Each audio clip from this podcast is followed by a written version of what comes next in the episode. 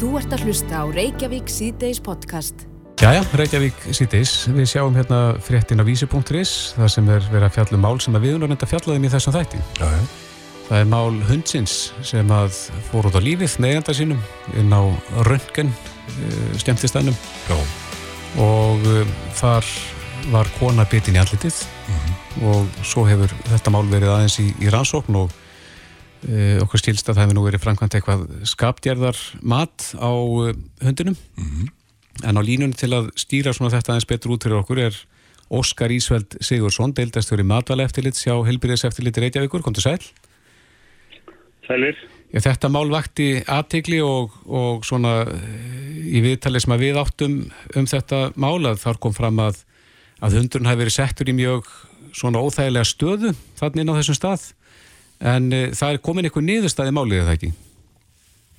Jú, við, við helbisættil Reykjavíkur hefur komið til þenni niðurstöðu að uh, í, í kjálfar uh, þessi skapgeramatt sem að við fórum fram á því gert á hundinum að fara ekki fram á aflífun á, á hundinum. Nei. Hver- Hvernig fer svona skapdjarðamatt fram? Uh, það er nú ekki, ég er kannski ekki rétti mann sem lýsa því, þannig að það er dýralækni sem að framkvæma þetta. Mhm. Uh, þetta var gert á dýraspítalunum í Garabæ og, og hérna það er kannski rétt að hún lýsi því hvernig það er framkvæmt, framkvæmt en, en dýr, dýrið er sett í alls konar aðstæður uh, og, og það er alltaf hvernig það er breyðist við mm -hmm. því áriðt og framvis. Já. Þannig að er niðurstaðan svo að hundurinn hafi verið settur þarna bara í aðstæðu sem hann réði ekki við? Það kemur fram sem í skapgerðarmatinu að, að það sé mat uh, dýralækni sem framkomir matið að, að svo hafi verið að það sé, hafi á uh, verið þá áhrifavaldurinn uh, í þessu máli þetta, og skýrir umlega að hverju, hverju hundurinn beit. Mm En getur við dreigið eitthvað lærdóm af þessum?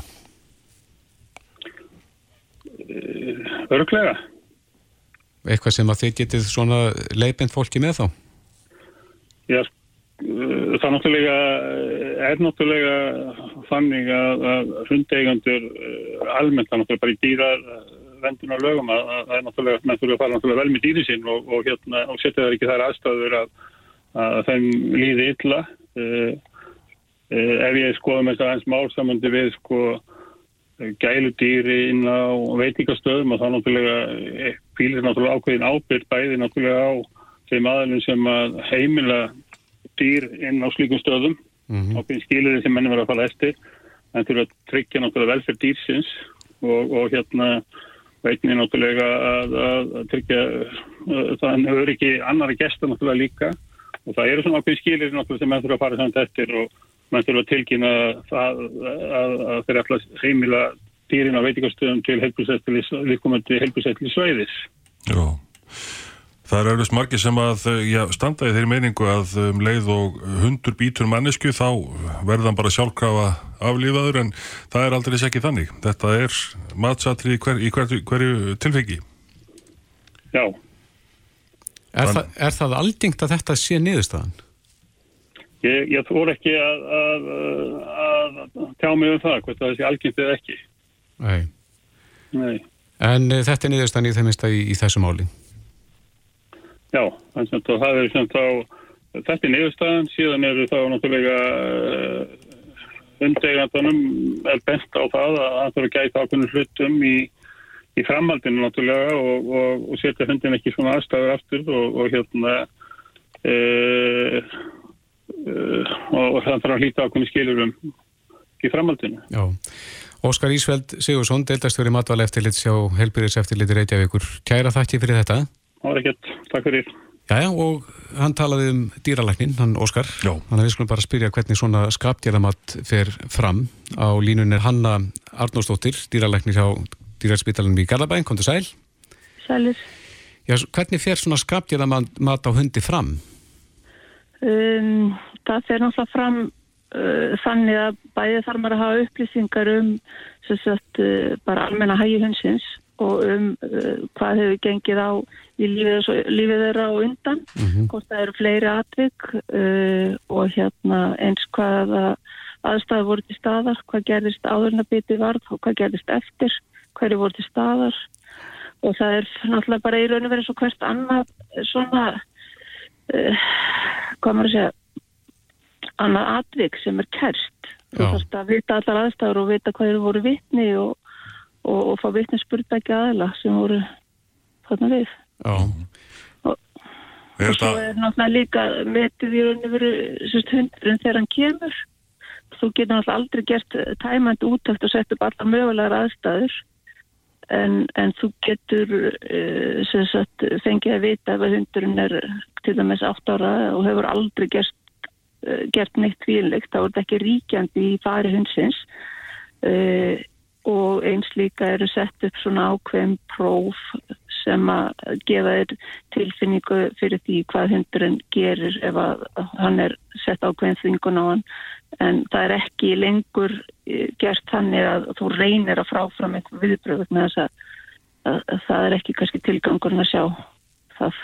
ó, er þetta algengt að, að uh, sótt er um uh, skapgeðar próf fyrir hunda?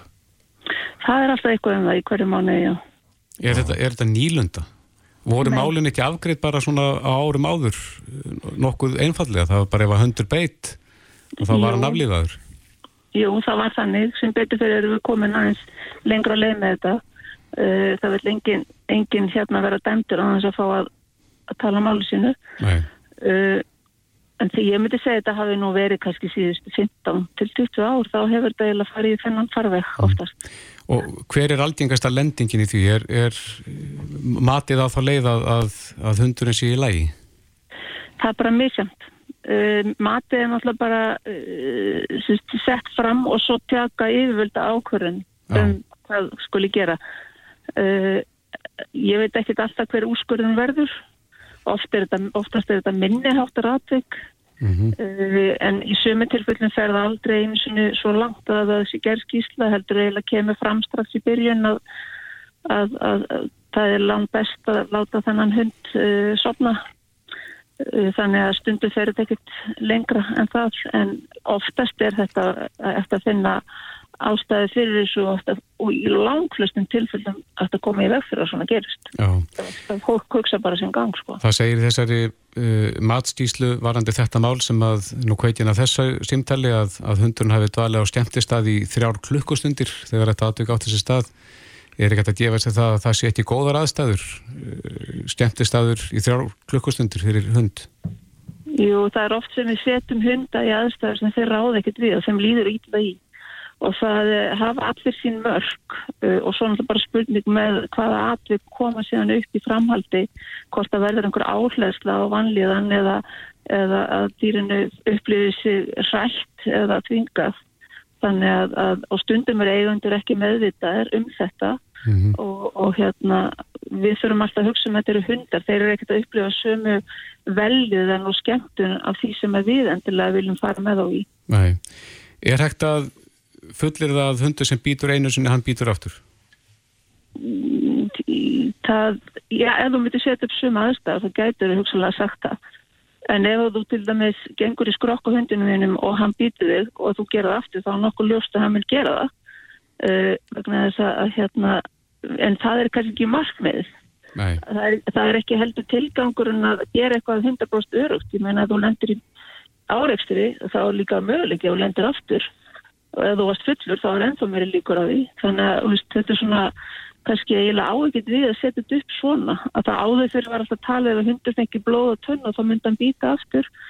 Uh, Þetta er miklum flóknar en þetta það þarf að taka inn í ekki bara líðan sem sagt heldur líka líkamlega líðan og andlega líðan og sem, að þá ítir undir ákveðin viðbröð mm við ákveðinum aðstæðum meina það verja sig allir eða, eða þú lendir í þeim aðstæðum og þú þurfir ef ekki þá ertu bara frosinn og hjálp, lert hjálpleysi sem að hérna er það hinn angin en er það sama eh, slæma meðferðin á dýrinu Þannig að, að við þurfum aðeins að, að staldra alltaf við og við þurfum að hugsa hvað fór úrskeiðis hérna og yfirleitt getum við bent að sjálf okkur. Já.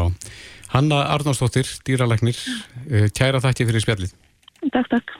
Þú ert að hlusta á Reykjavík C-Days podcast. Jæja, Reykjavík síðdeis, við sjáum það að neytendasamtökjum meðal annara er að sapna liði núna til þess að fara í hóp málsókn uh, og það gegn íslensku bönkunum mm -hmm. vegna þess að þeir telja að, að breytilegi vexti séu ekki lögum samkvæmt eða hvað? Breyti Karlsson, formað neytendasamtökjana sæl. Heilur það leitt? Er það rétt stil í hjá mér að þið eruð allir í mál við bankan út af vöxtónum? Já, eh, við teljum að skilmálar og framkvæmt lána með breytilegum vöxtum séu ekki lögum samkvæmt og við erum búin að vera í samskiptu við bankana núna í og annað ár og niðurstaðan er bara það að, að við erum ósamala og þá, þar, þá er bara einn úrskurður aðli hérna, sem er domstalar sem við þurfum að, að vísa málunum til. Já, en, en hver er ykkar raukstunningur á bakvið það að þetta sé ólöflugt? Já, hérna, þannig er að í lögum þá er að, þannig að ef að uh, vextir eiga að geta tekið breytingum þá eiga hérna, mælikvarðanir sem líka til grundvallar að vera skýrir og, og, og hérna, skorinórtir að hérna, þá vera alveg skýrt hvernig og við hvaða aðstæður uh, hérna, vextir eiga að breytast. Og í skilmálum bankana, eins og þeir eru settir upp núna, þá eru alls konar skilmála, bæði hlutlægir sem, eru, sem við erum að kalla eftir að síðu, en einnig uh, huglægir sem við teljum ekki vera lögumætt og málu okkar til stuðnings á, þá bendur við á dóma hæstaréttar og tvo Evrópudóma sem hafa fallið gegn spænskum böngum og sem segir þetta nákvæmlega sama að það verður að vera skýrt því annars getur bara einhver hendi sem er ráðið vakstahækunum og, og það er bara ekki, ekki lögum samkvæmt. Er ekki nóg að Sæðlabankin hætti stýrivexti? Er það ekki nóg fórsönda? Jú, það er til dæmis er, er hlutlægur mælikvarði og það er að, ef, ef það er tekið fram að hérna, það fylgi hérna, vextir bankans, fylgja sælarbankanum pluss eitthvað hérna, álaga eða eitthvað svoleiðis. Uh, en hérna þegar við, við sáum hérna bara fyrir rúmi ári síðan þegar að, að sælarbankin byrjaði að lækka vexti þá fylgdi, fylgdu bankanir ekki og, og ekki fyrir að, að það kom bara ákall úr sælarbankanum um að bankaði skildi nú fara að lækka vextina sína, hérna, sína einhvern líf, þá allt í hennu gáttu þeir hérna, lækka vexti, en, en fram að því þá var þetta bara, þá, þá heldur þeir vextunum upp og, og núna einmitt erum við að hefja svona vexta hækkunar ferill og, og Sælabankin bara búin að segja það að þetta sé bara fyrsta hækkunin í morgun en það er 0,25% mm -hmm. uh, og, og þá skiptir það einmitt miklu meira máli að vita að við, að við séum sko, fullvísum það hvernig bankan er alltaf bregðast við og við höfum eins og ég segi sko, verið í uh, samskiptum við bankan og og spurt á einmitt um þetta uh, hérna, uh, um hækkuna um vakstabreitingar hinga til.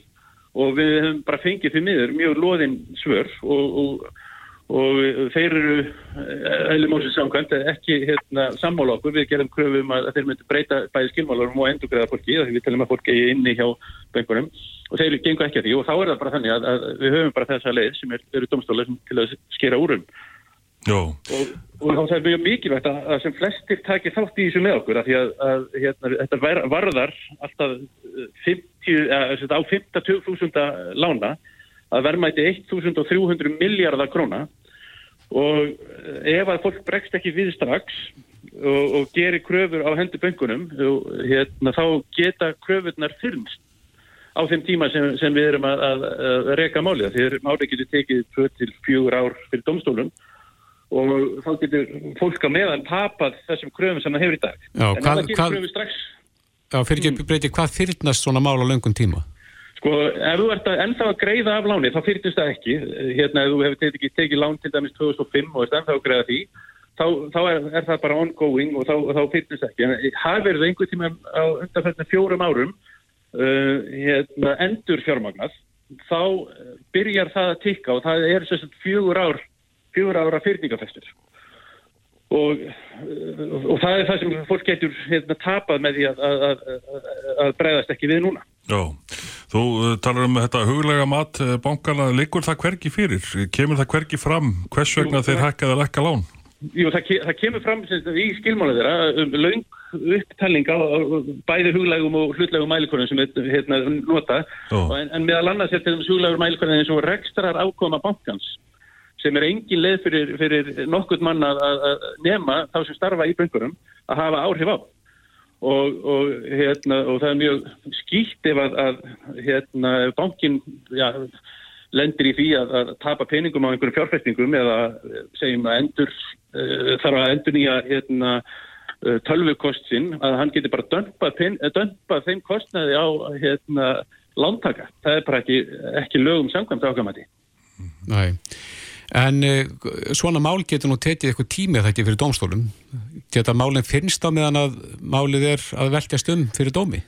Já, það er einmitt það. Að fólk verður að breyðast við, taka þátt, uh, skrá hér til leiks og, og með því uh, hérna, og, og rjúfa svo hérna, eða slíta fyrningu, eins og það er kallað, að, að gera kröfu á hendur böngunum og þá hérna, slítur við þessa fyrningu og, og hérna, þá, þá hverfur hún ekki hérna, með tímanum. En eins og sér, þetta getur tekið 24 ár og því er mjög mikilvægt að fólk bregðist við og skráið sér til leiks á, á hérna, vakstamálið.is. Já, en þið segist vera með dómafórtami frá Spáni? Nei, frá Európa-dómstólum sem varðar, varðar spænska banka. Já, akkurat. Og hvernig á fólk að snúa sér ef það vil taka þátt í þessu með ykkur? Þetta er mjög einfalt, þú þarf ekki eins og að vita lánanúmerið þetta, ekki eins og að vita hérna, bankanðinn eða, eða lánastofnun eða neitt stíkt. Þú er bara að með, vera með rafræn skilvíki og, og það, þetta eru fjórir smellir á vakstamálið.is. Vakstamálið.is, fólk getur kynnt sér að þar. Breyti Karlsson, uh, formaði neytendarsamtakana. Kæra þakki fyrir þetta. Bestu þakki sem er leiðis. Hlustaðu hvena sem er á Reykjavík C-Days podcast. Það voru sorgarfrétti sem að bára út frá Rotterdam þar sem að ljóst þykir að Ísland mun ekki stíga á svið og flytja atriðið sitt í söngakefni stjómastöðana. Felix Bergson, farastjóri Hópsins, er á línu. Kom til sæl. Kom til sæl. Ja, þetta er ákveðin bömmir, má segja. Já, já, þetta er svona eitthvað sem að e, þurfti náttúrulega að koma fyrir okkur af öllum. en e, við erum eini hópurinn sem að missir af í rauninni að fara og flytja lægið á sviðinu en á hinaröndina þá er til mjög góð upptaka sem verður nótuð og ég held að verða engin sveikin á því að sjá þetta. Þetta verður já, á sviðinu ána kvöld. Það er upptaka sem að var eh, gerð á æfingu, er það ekki? Já, núna í síðustu viku sko. Síðustu æfingunni í rauninni á 50 daginn síðasta. Já, var, var það setni æfingin af tveimur? Já, voru sko tvær, tvær æfingar mánda á 50 dag og þetta var 50 dagsæfingin og síðasta reynsli og henni þeirra allt var svona að nálgast það sem við vildum sjá sem allra allra best og bandið í alveg einstöku formi og frábæla flott þannig að ég held að það verði engin sveikin að þessu annir kvöld þegar þetta kemur í sjónvarpinu Já, við getum þá ef við lítum á björnulíðarnar þá, þá getur ekkert klikkað í flutningnum þá Það er vist alveg á reynu Þannig að þetta verður skottilt. Bræði Valdimar sagði á Twitter að þetta þýtti það að gagnamætingi eitthvað þá horta sjálfsi í sjónvarpunni vinna Eurovision. Það er svolítið gott. Já, akkurat. En hvernig er andin í hóknum? Er, er, er, er fólk spælt yfir þessu? Já, já, það er náttúrulega ákveðin vonbriði en það er samt bara ótrúlega góður andi og menn bara, núna eru aftur komin inn um sín herbyggi, þetta þýtti það að sótt hví lengdist hjá ákveðinum aðilum. Mm -hmm. þessi, þessi þetta nýja smitt um, Uh, og gagnamagnir til dæmis er í rauninni bara í sóttkví alveg fram á uh, förstu daginn, uh, sögumir lengur og en svona rúvararnir er að losna sinni sóttkví svona fljótlega á morgun eða svo Já. þannig að þetta er svona og svo bara vonar maður að, að allir verði áfram frískir og við fáum ekki fleiri svona skelli en þetta, þetta er náttúrulega niður staðrindi með þess að blessaða veru að þegar hún skýtur sér svona niður þá getur allt gerst í því. En getur þetta komið niður á okkur? Það er að segja, stemmir þetta fyrir okkur eða, eða getur, getur við nýtt okkur þetta? E, já, ætlaðis ekki bara já og nei við þessari spurningu. Við bara getum bæði þarna, þetta getur bæði orðið okkur til framdráttar en einni orðið okkur til þarna, stemningsmingunar. Þannig að við bara verðum að sjá það svolítið. Það kemur kannski svolítið í ljós í kvöld, það verður dómarrensli í kvöld og uh, það er svo að maður sér svolítið eftir það hvernig stemningin verður áfram fyrir læginu mm -hmm. og svo náttúrulega er það stóra sjóðir annarkvöld uh, þannig að þarna við bara við, við verðum bara býða að sjá en sjálfsögðu bara er kannski fyrir mestu að fólk uh, nái hilsu og hér verður ekki mikil veikindi og, og svo bara er maður að fara að huga hlutum eins og einfallega bara að koma hófnum heim og það verður nú meira að segja það Já Var á, á fyrra kvöldinu þar að segja í gær, var eitthvað atriði sem var leikið af bandi í gær? Já, Ástralja var á bandi ger. Maður tók ekki eftir því? Ástralja kom ekki til leiks, neini, maður tók ekki eftir því. Og ég held að það hef ekki verið ástæðan fyrir Ástralja dætt út. Ég held bara að Ástralja hef ekki verið með nógu gott lag í ár. Segja svona lag sem að höfðaði til áhöranda. Uh, því að uh, mér finnst uppsetningi hjá hann algjörlega frábær og hinn er fær, færu kollegar mínir og vinir í Ástralju klikka ekki á því að setja flott sjó í Eurovision en lægið bara var einhvern veginn ekki alveg að virka þannig að því miður þá fór hann ekki áfram í úslitin En hafið þið fundið fyrir áhuga á atriðun og bandinu? Mm, gríðarlegan og uh, já, ég menna það er nú bara þannig að, að uh, þetta lag er alveg á leiðinni í, í, í á, á leiðinni áfram. Það er á miklu, miklu, miklu siklingu og hérna, þetta er nú bara til dæmis lagvikunar á BBC One í Breitlandi sem er, eh, er bara eh, já, Radio One segi sem bara, sem hefur bara ekki gert með Eurovision lag nokkuð tíman ég nema ef undan er skilið Think About Things sem hann náði því fyrra. Mm -hmm. þannig að það er bara gríðalega vinsæl og, uh, og það er gríðalega áhuga á þeim og á læginu þannig að því meira svekkjandi er það að fá ekki að flytja þetta fyrir framann þess að 3500 áhörðu sem er í höllinni og láta vel í sér heyra það. Var mikil stemningi í gær. eh, en, eh, en eh, við vonum að, að, að vinsætilagsins flytiði áfram En Félix, við þekkju það frá útsendingunni að það er alltaf verið að skipta yfir í græna herbyggja hvað sem þetta kalla það sem að liðin eru svona fagnar stegum og öðru slíku Hvernig leysa með það með íslenska lagið? það á að setja upp grænterbyggi hér á hótelinu, skilst mér. Já. Og eru menn að vinni því nú í töluðum orðum. Hins vegar, vegna þess að gagnamagnir er jú í sóttkví, þá megaðu ekki setja saman í grænherbygginu. Þannig að uh, það er útlitt fyrir að það verði bara daði og árni sem setja í grænherbygginu og veiði Evrópu. Og það er bara frábært. Það gætur allar betra verið. Það hafa þau hjóninn sem syngja kortum annað í þessu lagi. Þetta verður spennand að sjá hvernig þetta allt sem að þróast. Við sendum bara Já. bestu hverju til Hopsins út, Felix Bergsson farastjóri. Kjæra þakki fyrir þetta. Já, kjæra þakkir. Reykjavík síðdeis á bylginni. Við höfum uh, potað okkur hér inn á skrifstofuna hjá honum Óskari Reykdalsinni. Hann er fórstjóri hilsugjastunnar, eins og menn vita, orðið allir. En uh, COVID er allt umkring og við uh, vitum það jafnvel í, í, í kringum Eurovision frettir að, að þar eru kannski stryk komin í reikningana en við ætlum ekki að huga því eh, hér og nú heldur spurja Óskar að því hvað með önnur veikindi sem að einhvern veginn finnst manni eins og að menn veikist ekki á öðru í dag. Þar að segja eh, sjúkdómar sem að eru langvinnir og, og, og, og hérna menn hafa þjást kannski lengi og þurft að vera undir handleyslu ykkar. E, er þetta einhver, einhver rauk fyrir því að líffræðileg rauk fyrir því að, að e, þetta fer eftir frek, frekju veiranna hver, hver næra síkja hvern og, og þar með er hann uppseldur?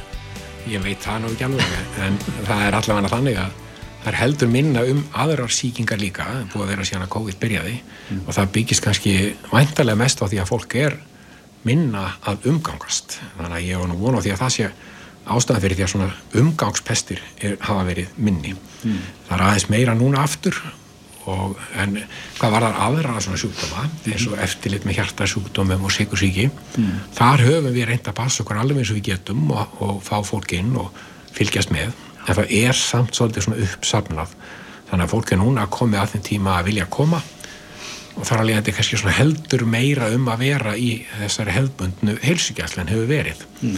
Í COVID tímanum, það hefur öðruvísi verkefni þannig að það er komið tilbaka Já. og þá verður svolítið byggð og svona, en sem betur fer hefur fólk miklu mik og góða þólinnmæði þannig að það skilja allir ástandið og stundum að þurfa að býða þess lengur og svona, það er mm. kannski ekki trættulegt við það í langflestum til viðkvæm Eru það hjartasjúklingarnir meðal annars sem við ætlum að tala um? Já, við erum að tala um hjarta sjúklingafólk með eftirlit með ímuskonar öndunafæra sjúkdómum, langvinni, lungna, teppu, síkursíki mm. og öðrum svona hefðbundnum helsugjastlu verkefnum. Mm. Maður er vaninn á það, bara í áranar ás að, flensur setja hér strykireikningana, að leggjast það leggst um þungt á, á, á menn eh, í það að það skiptið en, en nú heyrir maður ekkert af slíku. Nei, það var lítið um flensu þetta árið og í fyrra líka. Það var... Já, það kom þetta að kenna. Það, það, það gæti verið sko um, umgengni, við erum ekki eins og náum samskiptum hvert eða annar og uh, sérstaklega e, þetta gildir náttúrulega meira svona kannski um yngra fólki sem ber flensundar en það fara hins vegar illa í eldra fólki mm. þannig að þegar við erum minna umgákast og færri visslur og svona mm. þá er minna um ælupestir og, og umgákspestir aðrar mm. og það er auðvitað mjög þægilegt Óskar, þú hefur uh, reynsla þessu og yfir sín uh, þegar að þetta er nú yfir staðið og, og menn streika undir COVID-dæmið e, fylgir því þá einhver, einhver, einhver fylgir því þá einhver tilmæli um, um breyta félagslega hegðun eins og það að vera ekki ómikið að kása upp í hvort öðru eða, eða samkomi haldi svona að verða einhverjar restriktsjónir á því svona eða timburmenn eftir COVID Ég á vona því að það breytist ekki alveg eins og skot í svipaði eins og að var eins og handabönd og og fólk að faðmast, það er náttúrulega kannski augljóst að það getur borið síkingar á milli fólks þannig að mm. ég álega vona því að þetta verði varanlegt en hins vegar þá verður það kannski ekki alveg eins og það hefur verið þegar verslætur, það mm. mun að fara aðeins tilbaka í, í umgengni og svo er nú ekki vist að alveg allir fari þá leið að forðast handabönd og, og famlug Hilsast með handabandi er, er, er kannski eitthvað sem að ég menn ger ekki alveg automatist í, í dag. Við förum kannski eftir austurlensku leðinni að menn, menn takki þá upp eh, neyingar og, og, og svona handabeining saman með lóana og, og svona eins og kynverin, kynverin sínir kurtessi Já það getur alveg verið og ég held að það sé bara bara góð leið. Já. það er mjög skynsanlegt að vera ekki mjög mikið að, að, að já, handabönd eru augljóslega að bera smitt og, og famlug e, það eru bólusetningar herrferðirnar sem að, eða rikkirnir sem hafa gengið í gegn og það hefur gengið allt saman e, vel og, og undir dinjandi lovatæki og, og, og og söng, jável það er ekkert nema gott eftir það að segja en eftirmálanir eru umtalsverði maður heyri það. E, hefur það e, verið ykkur þungbært á helsakestunni þar að segja þeir sem eru já, grút máttlusir eftir astra eða, eða hvað þetta heitir? Já, það er þannig, þegar maður fær annarkort eitthvað hlut af veiru eða eitthvað svona í spröyta inn í líkamann, þá er tilgangurinn að fá fram svolítið kröftu viðbröð, þannig að líkaminn þjálfið sig upp í að ráðast á svona veiru, mm. þó að þetta sé kannski ekki hættulegur varningu sem við fáum inn í í upphandlegin, heldur fyrst og fremst bara eitthvað svona leifar af döðri veiru eða erðaefni veirunar mm. sem ekki þó getur síkt mann en maður getur fengið þessi kröftugu viðbröð og í sumið tilvíkum þá getur þetta verið mjög óþægilegt þetta er alveg sem að fyrir líkansrækt að þá getur maður orðið bara alveg ómögulegar á eftir mm -hmm. og sumir bara með hasbörur í viku mm -hmm. og það er alveg eins með þetta maður getur verið svolítið lengi að jafna sig að þetta eru kröftugu viðbröð líkamanns mm og það er allt í lægi lang flestum tilvíkum en þetta einn og einn lendir í því að þetta sé svona óvenni langvind og óþægilegt og þá það er svona það sem það ánú alveg öruglega að hætta. Mm. og alveg klárlega markvallt skynsanleira heldur en að fá veiruna. Mm -hmm. það er alveg augljóst. E, Á innlögnum eftir að fækka sem, sem afleiðu af, af, af hérna bólusetningum er, er það, gengur það yfir nokkuð öll sem lítur nú yfir allt sviðið? Já, já, ég held að það sé alveg augljóst að það hefur sínt sig í, í þessum rannsóknum sem gerðar að vera eða þeir, þeir sem eru bólusettir mm. þeir lenda miklu miklu síður á spítala nánast ekki mm. það eru og verða miklu miklu síður alvarlega veikir þó að fólk getur orði veikt það er alveg tíu, þess að þetta er yfir 90% öryggi, mm. þannig að einhverju geta veikst þeir veikjast mjög lítið þannig að, að innlagnir á spítal eru mjög fátíðar hjá þeim sem hafa fengið bólusetningu. Kæra þakki fyrir þetta Óskar.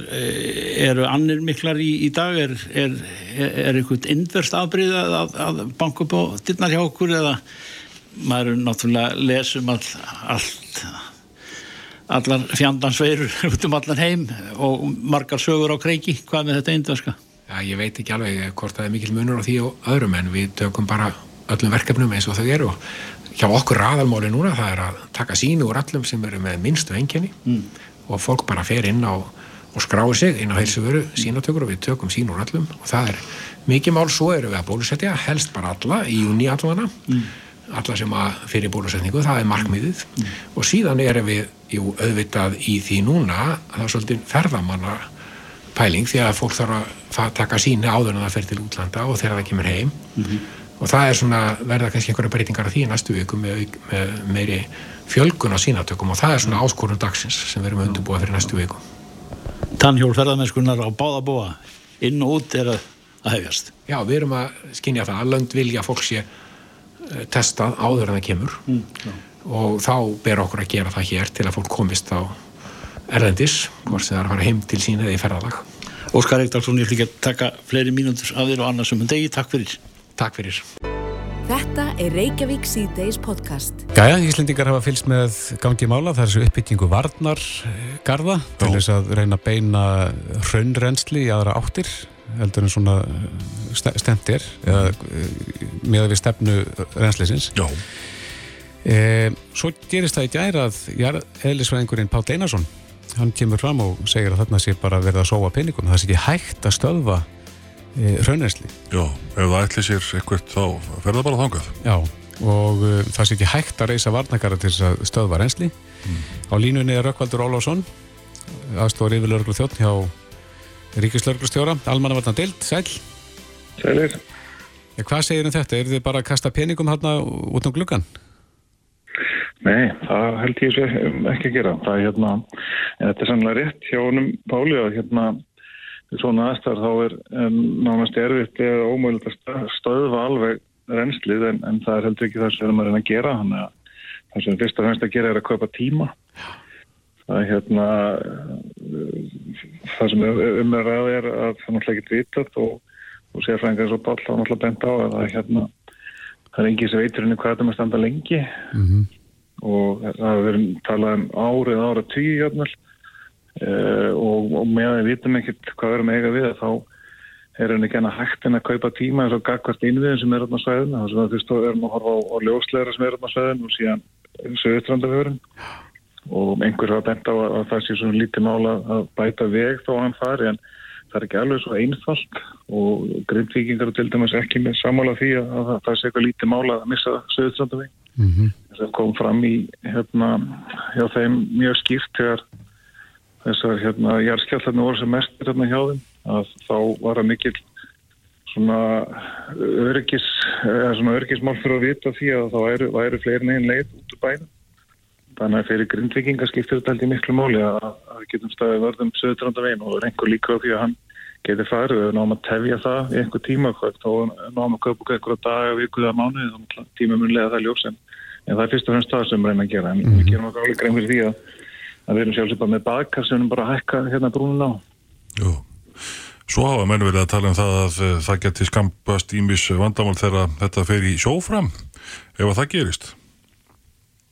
Já, já það geta alveg gerst líka en, en, en það er sjálfsög ekki okkar staðstu ákjörskafið þessu, það er fyrst og samt innviðin sem við erum að horfa á og, og það er sérstaklega gagvart reynskingum að, hérna, að standa vörðum um, um veginn. Já, Pál segir hérna í þessari frétt að það allra vestar sem getur gæst er að það færi sundur söðustrandavegur og vegur í gegnum svona hraun, það er mjög öðvelt og lítið verk að laga hann Já, já, það er allt sem mann satt á rétt en, en þú lagar ekki veg með það raunveðsli yfir hann og, og það er stöðugt sko þannig að því lengur sem getur tafið það, það farið þarna því betur og, og mögulega ná að kaupa tíma fram með það að hérna að góð sér hætti árna, árna hérna hraun kemst á þetta niður mm -hmm. Er það fyrir að reyna á varnagarðin nú þegar, er það ekki? E, jú, aðeins en ekki mikið. Uh, en, en, en það sem hefur sett eitt, það er að virka og heldur að heldur vel, þannig að það ekki voru vonir um það að, að, að, að starri garðinu muni halda þegar kemur verulega áreinsla á þá. Og, og það er líka annað sem við erum að græða á þessu að hérna, þannig er sama tíma að búa til reynslu og þekkingu og svona verður að rannsaka bara hvað áhrif svona framkvæmt hefur og og hvaða möguleika þau höfum þegar framtíðin eða standur fram fyrir einhver viðlíka verkefni þar sem við þurfum aftur að verja eitthvað mikilvæg ennviði. Já, sínist ykkur þið ná að breyta hérna, stefnu reynsleisins með þessu? Í þá bara eftir að koma í ljós en, en við bindum vonum við það, já við getum gert það að, að mann aðeins að stoppa þetta þarna í einhver tíma þá muni reynslið aftur fara meira neyri meirardali og, og fara meira tangað í lengri tíma heldur en myndi hella gerast og, og það er fyrst og fremst það sem við reynum að gera. Er, er þessi veggur eða varnamúr, er þetta bara rauningur eða er eitthvað steift í þessu? Nei, það er, ekki, það, það er ekkert aðkomi efni hérna á svæðinu, þetta er þessi framkvæmd er rauninni afturkræf þetta er allt efni sem er tekið á staðnum bara raukt upp þannig ef að það, hérna, þetta mun bara hætta í bara núna eða morgun og þá er hægt að fara þarna aftur og sletta úr þess og, og þetta er náttúrulega þessi þetta er efni sem bara fengið á staðinu þannig að það sjálfsögur náttúrulega sár eins og þetta er núna en, en eftir smá tíma þá er, verður þetta búið að jafna sig og búið að ná sama lít og áfærið svo að ráður mm -hmm. Eh, þessu uppæð sem hefur verið nefnt 20 miljónir viðbóta fjármagn er svona dýrt að, að riðja mold til og frá? Það getur verið það, já það, hérna, þetta er náttúrulega tveir varningar sem er setið upp og, og þetta er áallega kostnæðar fyrir það að vera með tæki þarna uppi og, og framkama þetta Já, akkurat. Og hvenar mun verkinu ljúka? Á næstu tíu dögum vonandi og vonandi fyrr Já, akkurat. Rökkvaldur Rólásson, aðstóri yfirlörglu þjótt, kæra þakki fyrir þetta. Takk fyrir. Reykjavík síðdeis á Bilginni podcast.